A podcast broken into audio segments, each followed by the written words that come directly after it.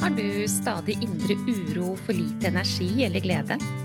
Ønsker du kartet for endring i dette? Hver episode er dedikert til å gi deg gullnøkler for livsglede og ro. Du får strategier og innspill som hjelper deg fra nedstemt til oppstemt og fra uro til ro.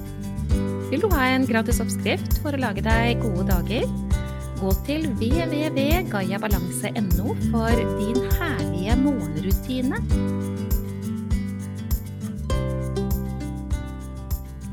Denne episoden vil gi deg fem gullnøkler for mer glede, kraft og ro i ditt liv. Gullnøkler for din helse, da, eller rett og slett?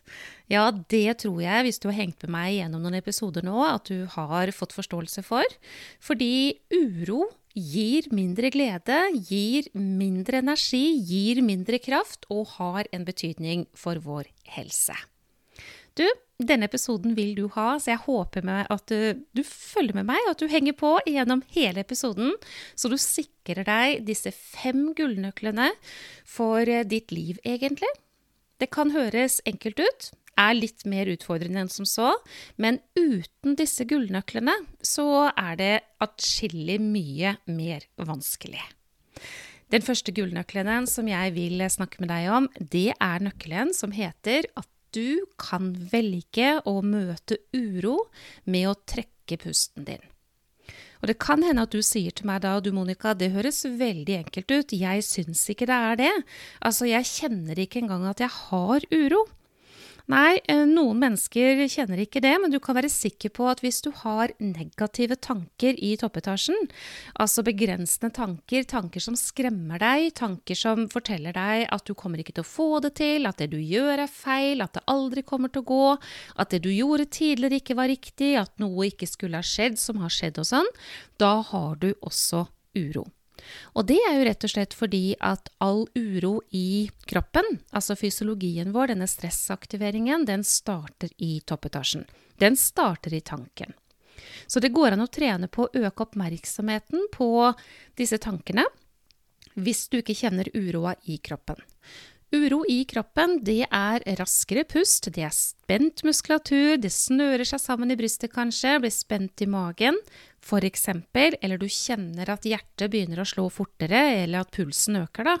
Eller at du kjenner at uh, det i det hele tatt er ukomfortabelt i deg. Det er også tydelige signaler på uro. Og hvis du trener deg på å trekke dype pust når du kjenner denne uroen i deg, eller øker oppmerksomheten på tankene som skaper uro, selv om du ikke kjenner uroen, så vil det være rett og slett gull verdt for deg.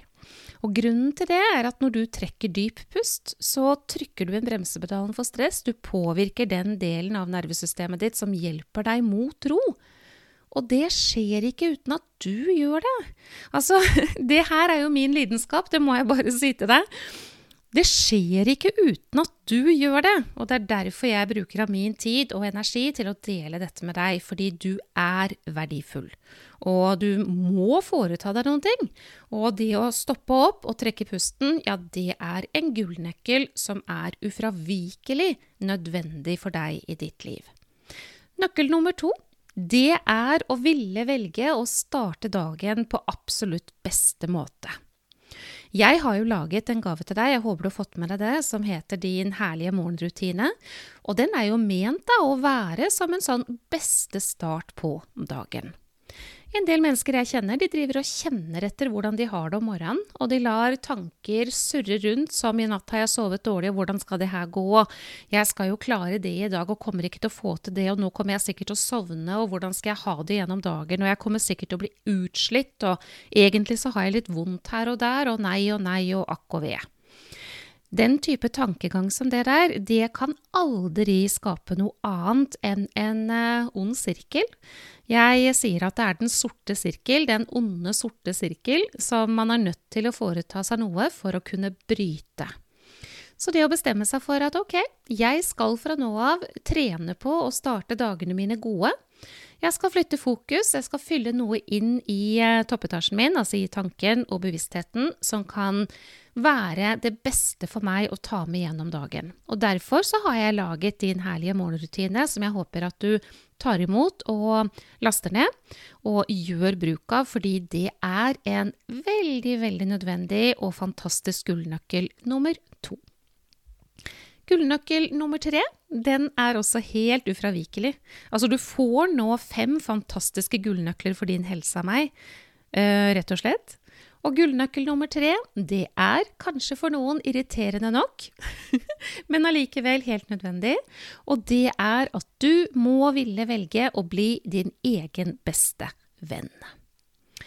Og jeg kommer helt sikkert til å snakke om dette flere ganger, og jeg har nok antageligvis allerede gjort det. Vet ikke om du har hørt det i en annen episode, men dette er en absolutt nødvendighet for et menneske som skal ta godt vare på seg selv. Det er å bli oppmerksom på den indre dialogen og begynne å snu den. Hvis du ikke møter deg selv med det gode, hvis ikke du møter deg selv med anerkjennelse og ubetinget kjærlighet, så vil det være helt umulig for deg å ta godt vare på deg, og det er helt sant. Nøkkel nummer fire det er at uh, det kan være lurt å integrere den sannheten som jeg skal dele med deg nå. Det er like ufravikelig som disse andre nøklene, og det er en sannhet, og du trenger å ha det med deg gjennom livet ditt. Hvordan gjøre det? Ja, så dette er nøkler.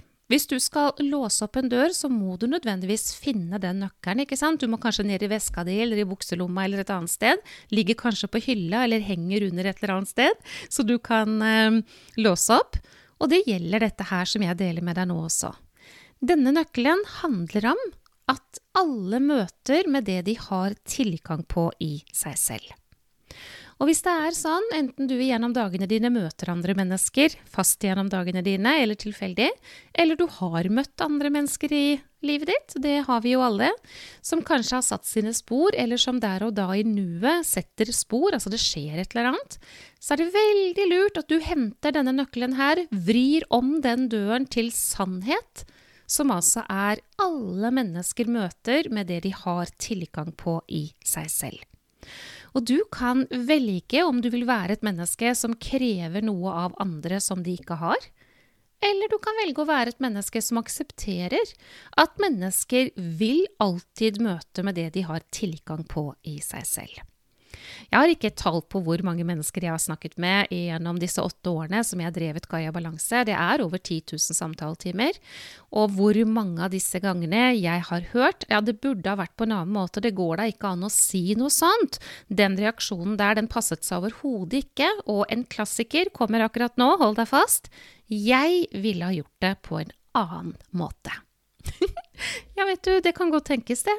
At du ville ha gjort det på en annen måte, men når dette skjer, da, når et annet menneske møter sånn som det mennesket gjør, så er det akkurat det som foregår.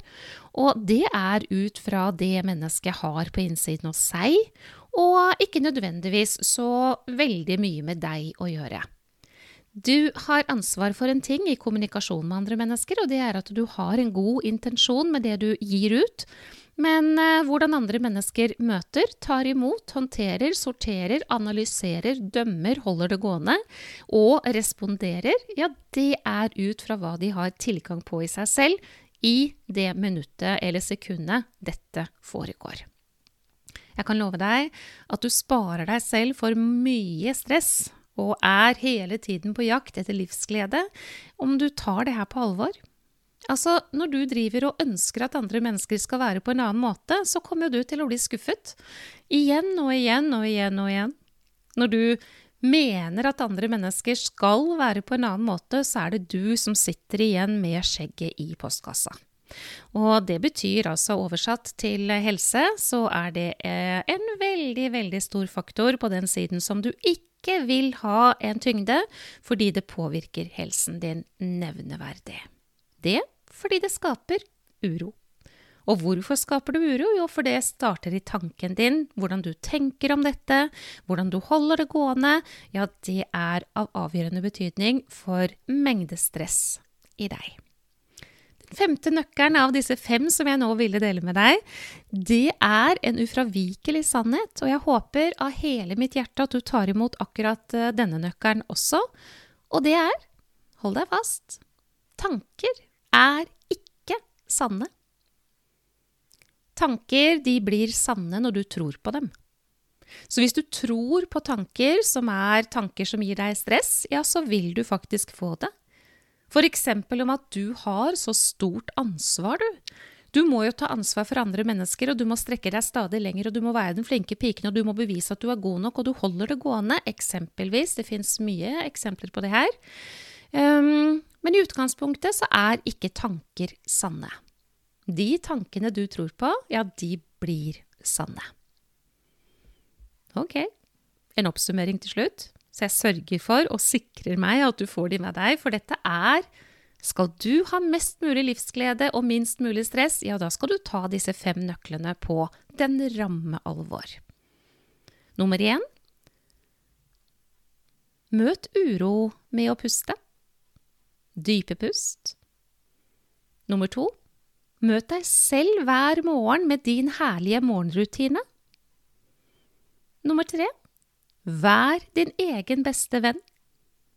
Nummer fire Husk for all del på at andre mennesker møter med det de har tilgang på i seg selv. Og nummer fem Husk at tankene dine de er ikke sanne før du har bestemt deg for at de er. Og her er det mye å gå på, det vet jeg. Og du, har du lastet ned din herlige morgenrutine fra www.gayabalanse.no, eller har du ikke? Jeg anbefaler deg at du gjør det. Så sikre deg den med en eneste gang. Gå inn på nettsiden, klikk at du ønsker å få den tilsendt, og så kommer den rett fra meg til deg.